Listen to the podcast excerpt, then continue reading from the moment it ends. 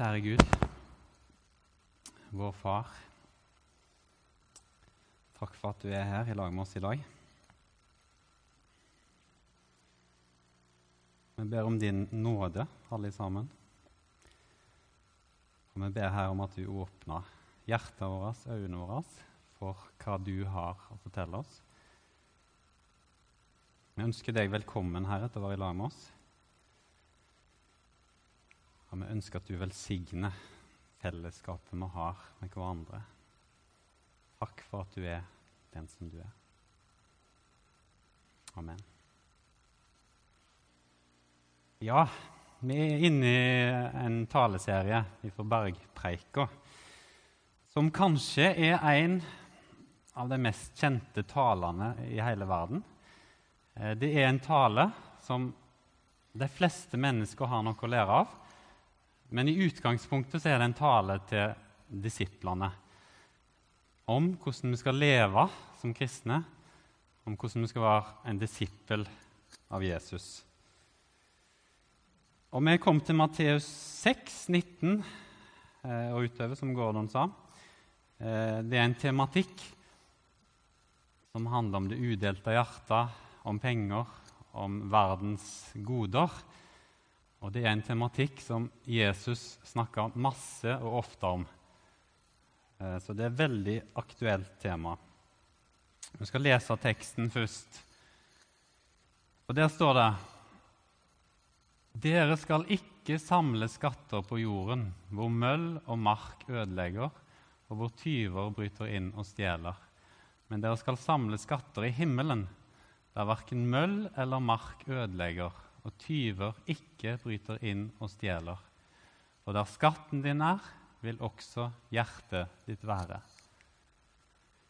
Øyet er kroppens lampe. Om øyet ditt er klart, er det fordi kroppen er fullt av lys. Men om øyet ditt er sykt, er det fordi kroppen er fullt av mørke. Er nå lyset i deg mørke, hvor dypt blir ikke da mørket? Ingen kan tjene to herrer. Han vil hate den ene og elske den andre, eller holde seg til den ene og forakte den andre. Dere kan ikke tjene både Gud og mammon. Jeg tenkte å begynne med det som kanskje er vanskeligst å forstå her. Iallfall for meg ser det litt vanskelig. Og Det er det verset der som handler om øya. Fordi jeg leser fort igjennom det, og så ser jeg hva som står der, men så har jeg kanskje ikke helt skjønt hva som står der likevel. For hvordan kan øya være lampen til kroppen? Hvordan kan øya lyse opp kroppen vår? Se for dere et lite hus ei lita hytte i en lysning i skogen. Og Du kommer der, og du går inn i hytta. Og Gardinene er trukket igjen, og det er mørkt der. Og Det er ingen fin atmosfære. Det er mørkt, og det er kaldt. Men så trekker du opp gardinene på alle vinduene. Og Så kommer sollyset og skinner inn, og så blir det lyst i hele rommet. Og så blir det lyst sånn at du ser støv og skit som ligger på gulvet. Og Etter en stund så kommer sollyset og varmer opp rommet, sånn at det blir varmt der, og det blir en annen atmosfære. Så Det er ikke vinduene i den hytta som produserer lyset. Det er ikke den som skaper lyset og atmosfæren. Men vinduene slipper inn lyset utenfra. Og sånn er det med øynene våre. øynene våre. Det er ikke det som produserer livet i oss. Men hvis vi åpner øynene for Guds lys, så skaper det liv i oss. Og Det er helt grunnleggende for resten av teksten og for forståelsen av hele Bibelen. Det er ikke vi som kan skape Guds lys og Guds liv i oss sjøl. Vi kan ikke det. Vi kan ikke ta oss sammen for å få dette til og for å klare å leve etter det budskapet som kommer i dag. Men vi kan åpne oss opp for Gud og slippe Han til. Og Det kalles nåde. Og Det er viktig å ha med seg videre nå. Og For å forstå litt mer hva det handler om, så må vi skjønne hva et, et klart øye og et sjukt øye betyr. Et sjukt øye, sjukt, kommer av et gresk ord som betyr poneros, og det betyr ondt. Så det som egentlig står her, det som iallfall kunne stått der, er et ondt øye. Et ondt øye er et uttrykk som vi finner flere plasser i Bibelen. F.eks. i Ordspråket 28, der det står en mann med et ondt øye haster urolig etter rikdom, og han vet ikke at han kommer til å lide nød. Femte Mosebok. Og du ser med onde øyne på din fattige bror og gir han ikke noe. Og Det er flere eksempler på det. Men et ondt øye handler om å trakte etter verdens goder. Ikke dele med seg, men å ta det til seg, holde det, til, holde det for seg sjøl. Fylle oss med verdens goder. Mens et klart øye, eller et friskt øye, som det står i en del oversettelser, kommer et ord som heter haplås, som betyr enkelt, enkel. Det er motsetning av dobbel, altså ikke dobbel, men enkel. Heil 100%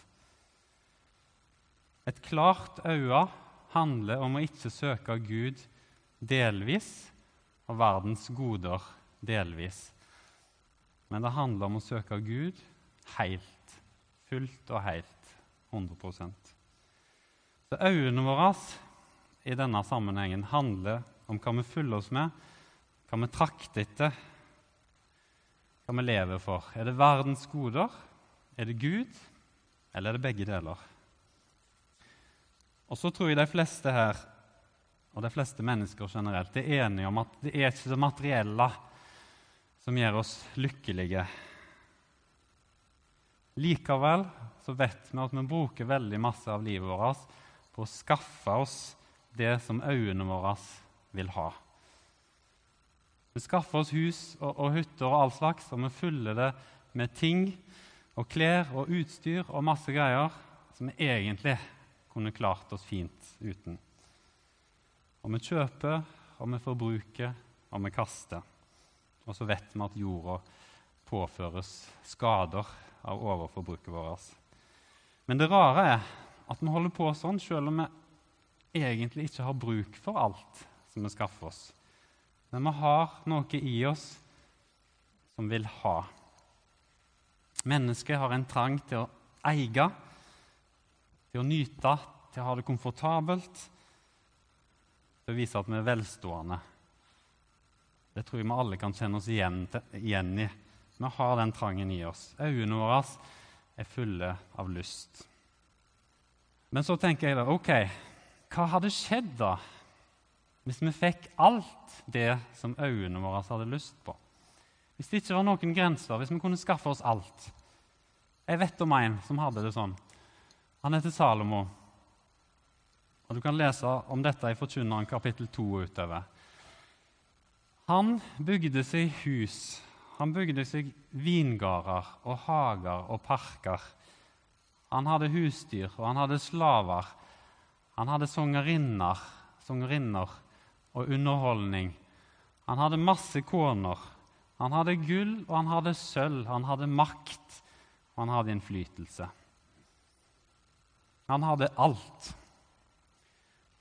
Og Dette skriver han om i Forkynneren. Og så skriver han etterpå at jeg sa ikke nei til noe av det mine øyne begjærte. Jeg nektet meg ingen glede. Ja, hjertet gledet seg over alt mitt arbeid. Det var lønnen for mitt strev. Så vendte jeg blikket mot alt mine hender hadde gjort, alt jeg hadde samlet ved mitt arbeid, og se, alt var like forgjeves som å gjete vinden. Det er ingenting å vinne under solen. Salomo hadde klatra helt til toppen.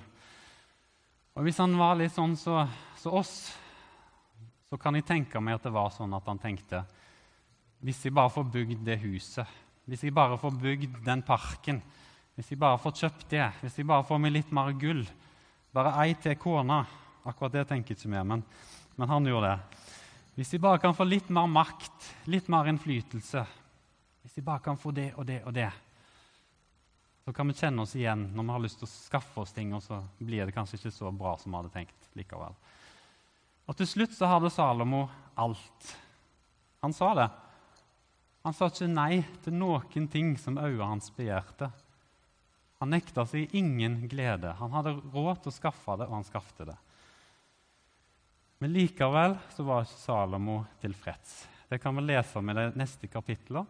Han skriver om tomhet, og han skriver at alt er jag etter vind. Jag etter vind. Vinden som vi kan kjenne, som vi kan føle. Men hvis vi prøver å fange den, hvis vi prøver å gripe den, så klarer vi det ikke, for han forsvinner bare av gårde. Så forgjeves var det å skaffe seg alt dette, bare som å jage etter vind. Og så avslutter han med i siste kapittel at det som er verdt noe, det er å følge Gud og hans bud. Hva kan vi lære av det? Vi kan lære at vi blir ikke mette på de jordiske godene. Vi kan lære at vi får aldri nok. De jordiske godene de dekker over noen behov som vi har. De tilfredsstiller oss, og de gjør oss godt. Og mange av disse tingene som, som er jordiske goder, de er absolutt gode for oss òg. Det er ikke det. De gjør oss godt, og det er bra for oss. Men de kan aldri gi oss liv. Og vi kan aldri mette våre djupeste behov. Vi skal til en annen mann i Bibelen som er i en liknelse som Jesus fortalte. Liknelsen om såmannen.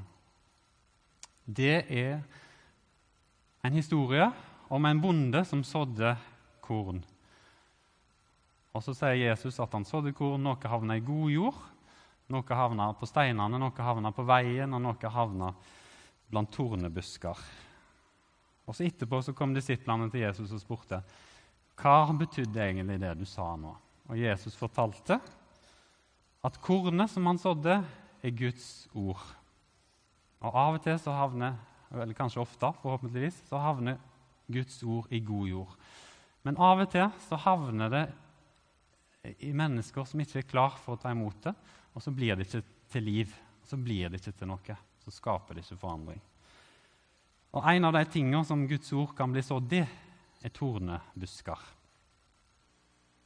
Det står i Markus 4, denne liknelsen, og der står det om tornebuskene at andre igjen av de som blir sådd blant tornebusker, de hører ordet, men dette livets bekymringer, rikdommens bedrag og lysten på alle andre ting kommer inn og kveler ordet, så det ikke bærer frukt.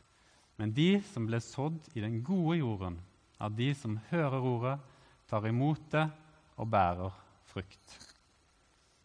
Så Det står altså om at noen hørte Guds ord, og de tok imot det til og med. Og det ble til og med ei spire som begynte å spire og ble til ei plante. Men så kom tornebuskene og vokste over det, og så ble det kvelt, og så visna det. Og så ble det ikke til noe likevel. Og hva er disse tornebuskene som kan vokse opp og komme og kvele Guds ord i oss? Jo, det er øynenes lyst, altså lysten på alle andre ting som vi har i oss. Det er livets bekymringer. Bekymringer for hva vi ikke har, eller hva vi burde gjort, eller hvordan kommer livet til å bli. Det er et tema som jeg tror vi får høre mer om neste søndag av Elisabeth. Og så er det rikdommens bedrag. Og det er fort gjort at, at uh, søken etter rikdom blir et bedrag. En illusjon. Vi tror det er noe som er ekte. Vi tror det er noe som skal gi oss liv. Men til sjuende og sist, hvis vi søker det, hvis vi dras mot det, så fører det oss vekk ifra livet i stedet for. Fordi vi søker det materielle og komforten og velstanden og underholdningen, og alt dette oppleves attraktivt. Men så er det så lett for at det fyller opp livet vårt, sånn at øynene våre blir delt. Sånn at øynene våre ikke lenger er helt og fullt retta mot Jesus. Og så blir det et jag etter vind. Og jeg tror at det er en av de største utfordringene i tida vi lever i. Fordi at overalt der vi er, så får jordiske goder eh, vår oppmerksomhet. Og Hvis vi skal ha råd til alt, så må vi stå på så må vi jobbe. Og Hvis vi skal delta i alt, så blir det stress. Og så vet vi at mange opplever at livet er hektisk eller kaotisk. Og så ser vi at damer midt i livet, i sin beste alder, blir utbrent. Og dessverre altfor mange sykemeldt fordi de er utslitt. Og så vet vi at ektefeller kanskje ikke har tid til hverandre. Og så er det så fort gjort at vi som foreldre kanskje ikke har tid til å undervise ungene ifra Guds ord. Eller at vi ikke har tid til å besøke naboen fordi at jaget krever så masse av oss. Så kanskje vi skal sette oss ned og tenke litt over av og til. Hva er det egentlig som er viktig? Hva skatter er det verdt å jobbe for? Hva skatter er det verdt å satse på? Og Nå sier ikke Bibelen at det er galt å bruke penger eller kose seg, nyte livet eller ha det bra. Og Det er veldig viktig å understreke. Det er ikke galt, noen av de tingene. Og det er heller ikke galt å tjene penger, å tjene masse penger, eller drive med næringsvirksomhet, eller eie ting, eller eie eiendom. Ingen av disse tingene er galt. Og Det er jo viktig å få fram. Det var mange rike personligheter i Bibelen. Og Jødene har tradisjonelt en tanke om at materiell rikdom er en velsignelse ifra Gud. Men det som Bibelen derimot sier masse om, det er hvordan forvalter vi det som vi har? Hva bruker vi det til? Bruker vi det til egen nytelse og velstand, eller bruker vi det vi har, til å velsigne andre? Paulus sier noe om det når han skriver til Timoteus. Ja, Guds frykt med nøysomhet er en stor vinning. For tomhendte kom vi inn i verden, og tomhendte må vi forlate den. Har vi mat og klær, skal vi nøye oss med det. Men de som vil bli rike, faller i fristelser og snarer og gripes av mange slags tåpelige og skadelige begjær, som styrter mennesker ned i undergang og fortapelse. For kjærligheten til penger er roten til alt ondt. Drevet av den har mange ført vill, bort fra troen og har påført seg selv mange lidelser. Men du, Guds menneske, hold deg borte fra dette og jag etter rettferdighet, gudsfrykt, tro, kjærlighet, utholdenhet og ydmykhet. Nederst der viser en del skatter som er verdt å jage etter, som er verdt å satse på. Og ellers så forteller teksten oss, som står i Bibelen faktisk, at det er et ideal å leve nøysommelig. Og nøysommelig altså det er jo et ord som nesten er gått ut av dagligtalen i dag. Og det forteller kanskje sitt, bare det. Men det er et ord som først og fremst betyr å være fornøyd med det vi har og var tilfreds med det vi har, og var takknemlig for det vi har. Hvis vi har mat og klær, står det, altså hvis vi har dekka våre grunnleggende behov, hvis vi ikke fryser, og hvis vi kan ete oss mette, så står det, ja, da skal vi være takknemlige for det. Da skal vi være tilfreds med det. Så kan vi jo tenke oss, Hvordan er det med et menneske som er tilfreds og takknemlig og fornøyd over det som det har? Jeg ser ikke for meg at det er et menneske som trakter etter mer, som søker etter mer, som vil ha mer. Det er et menneske som er tilfreds, og som skaffer seg mer hvis det trenger mer. Guds frukt med nøysomhet. Det er et motto som norske mennesker i flere generasjoner har levd etter.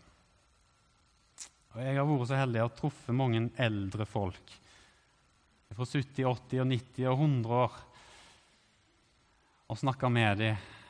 Og mange av disse folka her de burde vi lytte mer til. Jo eldre et menneske er, jo mer burde vi lytte til dem. For dette er folk som har levd livet, som vet hva livet handler om. Og de fleste jeg har snakka med, har lært seg til å være takknemlig for det de har, til å ikke bruke mer enn de trenger, og ta vare på det de har. De har lært seg å være nøysommelige.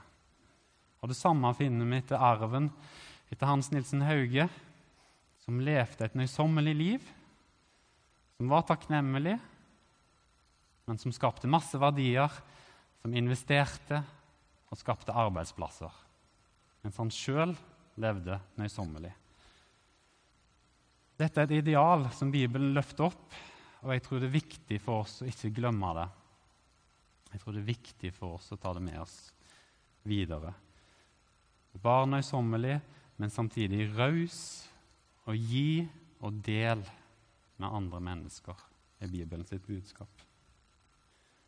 Og for min del, som et menneske som melder snart det seg en tanke da, og det er hvor masse kan jeg ta til meg av verdens goder og likevel ikke være egoistisk?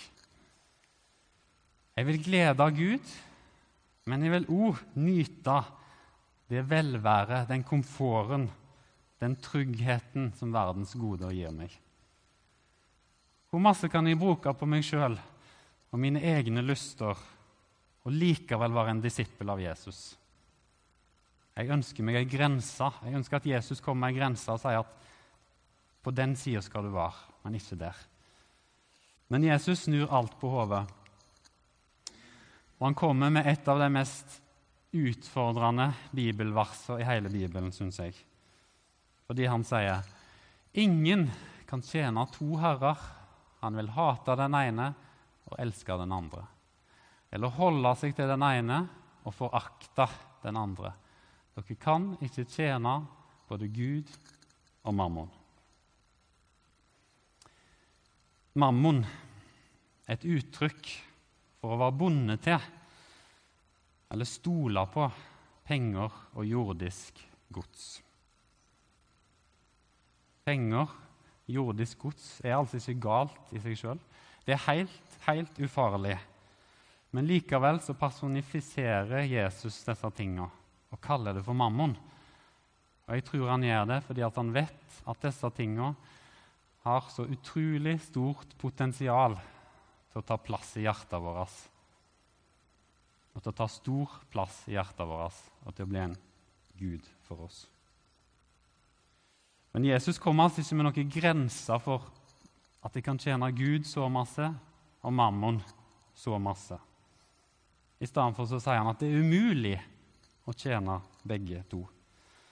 For nettopp hvis de vil følge mammon litt og Jesus litt, nettopp da blir øynene mitt delt. Og nettopp da så følger jeg ikke Gud helt. Jeg kan ikke tjene to herrer. Og Dette er fryktelig radikalt, men Jesus sier vi skal elske den ene, da må vi hate den andre. Jeg vil følge den ene og forakte den andre. Så En disippel kan ikke stille seg spørsmålet hvor masse kan jeg bruke på meg sjøl og mine lyster, og likevel være en disippel av Jesus. En disippel spør, stiller seg heller spørsmålet hvor nært er det mulig å komme Jesus Kristus? Og svaret på det vil utvilsomt få konsekvenser. Det vil få praktiske konsekvenser. Det vil gå utover måten vi lever på, på levestandarden vår, og på hva vi kjøper, og hva vi gir til, og hvem vi gir til. Men det er ikke det som er det sentrale. For en disippel av Jesus Kristus så er ikke det sentrale hvor mye vi må ofre, hvor mye vi må gi. Men det sentrale er hvor nærme kan jeg komme Jesus? Hvor nærme kan mitt liv bli Jesus sitt liv? Det fungerer litt sånn som hvis du har en ung mann som er forelska, og han har funnet drømmedama. Og denne dama har alt som han kan ønske seg. Han er 100 forelska og vel så det. Og han vil gifte seg med hun, og hun har sagt ja. Og hun er alt som han vil ha. Og så sier han til henne at 'Jeg elsker deg, men jeg elsker henne litt ei annen'.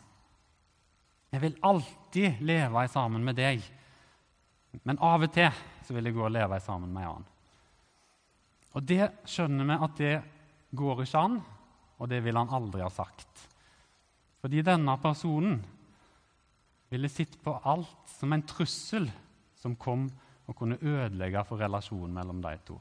Han vil motarbeide alt som kan prøve å ta ifra han denne dama som han elsker.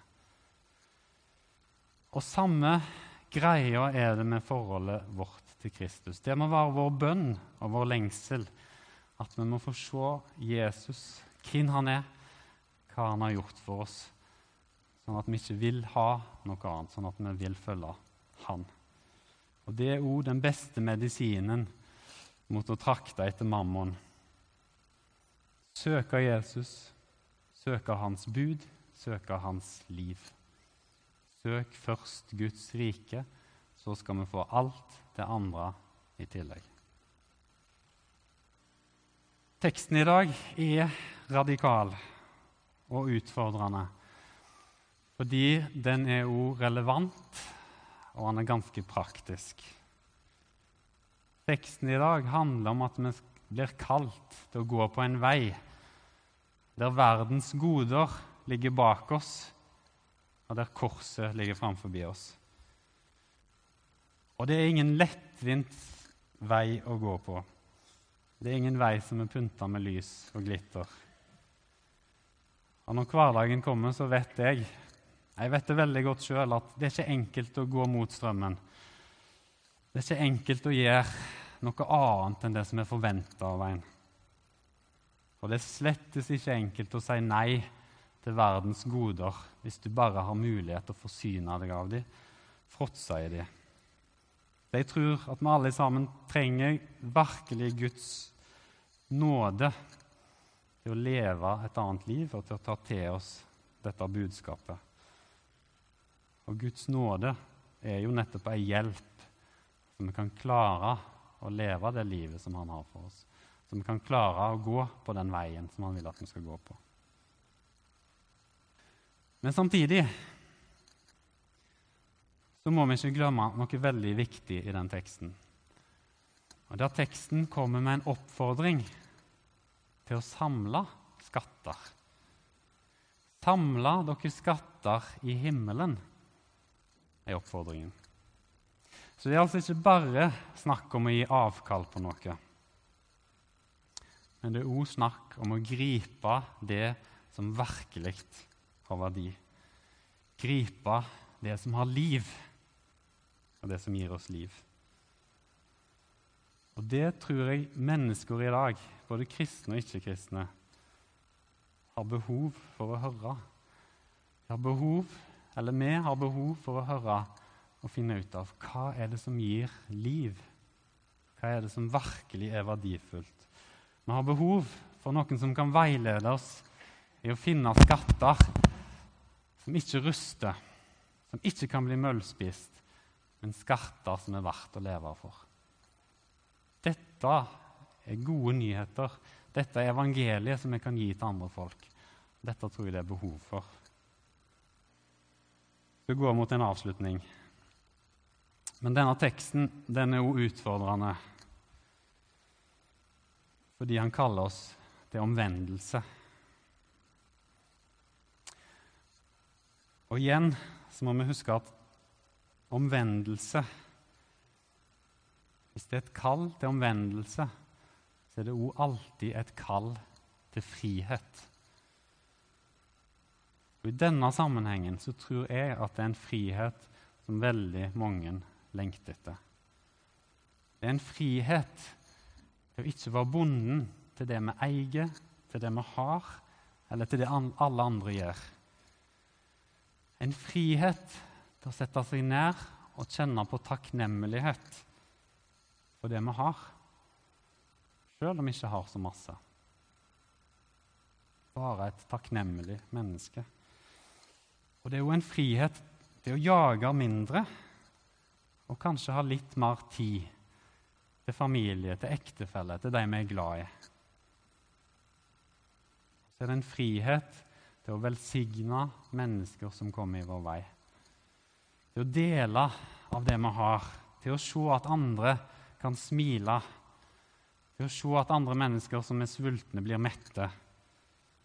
En frihet til å gi, sånn at de som ikke har jobb, kan få hjelp og få noe til å leve for. Og ikke minst det er det en frihet til å glede seg over den store skatten som det ikke minst sikter til. Skatten som er Guds rike.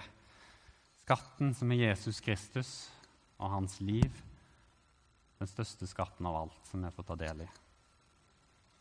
Dette er skatter som er verdt å trakte etter. Dette er skatter som ikke ruster, som ikke blir møllspist. Og dette er skatter som ingen i hele verden kan ta ifra oss noen gang. Dette er verdt å trakte etter. Dette er verdt å følge livet sitt med. Så la oss hjelpe hverandre alle sammen til å finne disse skattene, til å trakte etter det rette, til å fylle oss med Guds liv. Kjære Gud, takk for ditt ord til oss. Takk for nåden som vi får til å leve det livet som du har kalt oss til. Takk for ditt lys, Jesus. Og takk for det eksempelet du har vist oss når du gikk på jorda. Jeg ber om at du kan bli stor for oss alle sammen. La meg få se, Jesus, hvem du er, hva du har gjort for oss. Jeg ber om at du får skinne for oss alle sammen sånn at vi får lyst og ønske om å trakte etter deg og følge deg.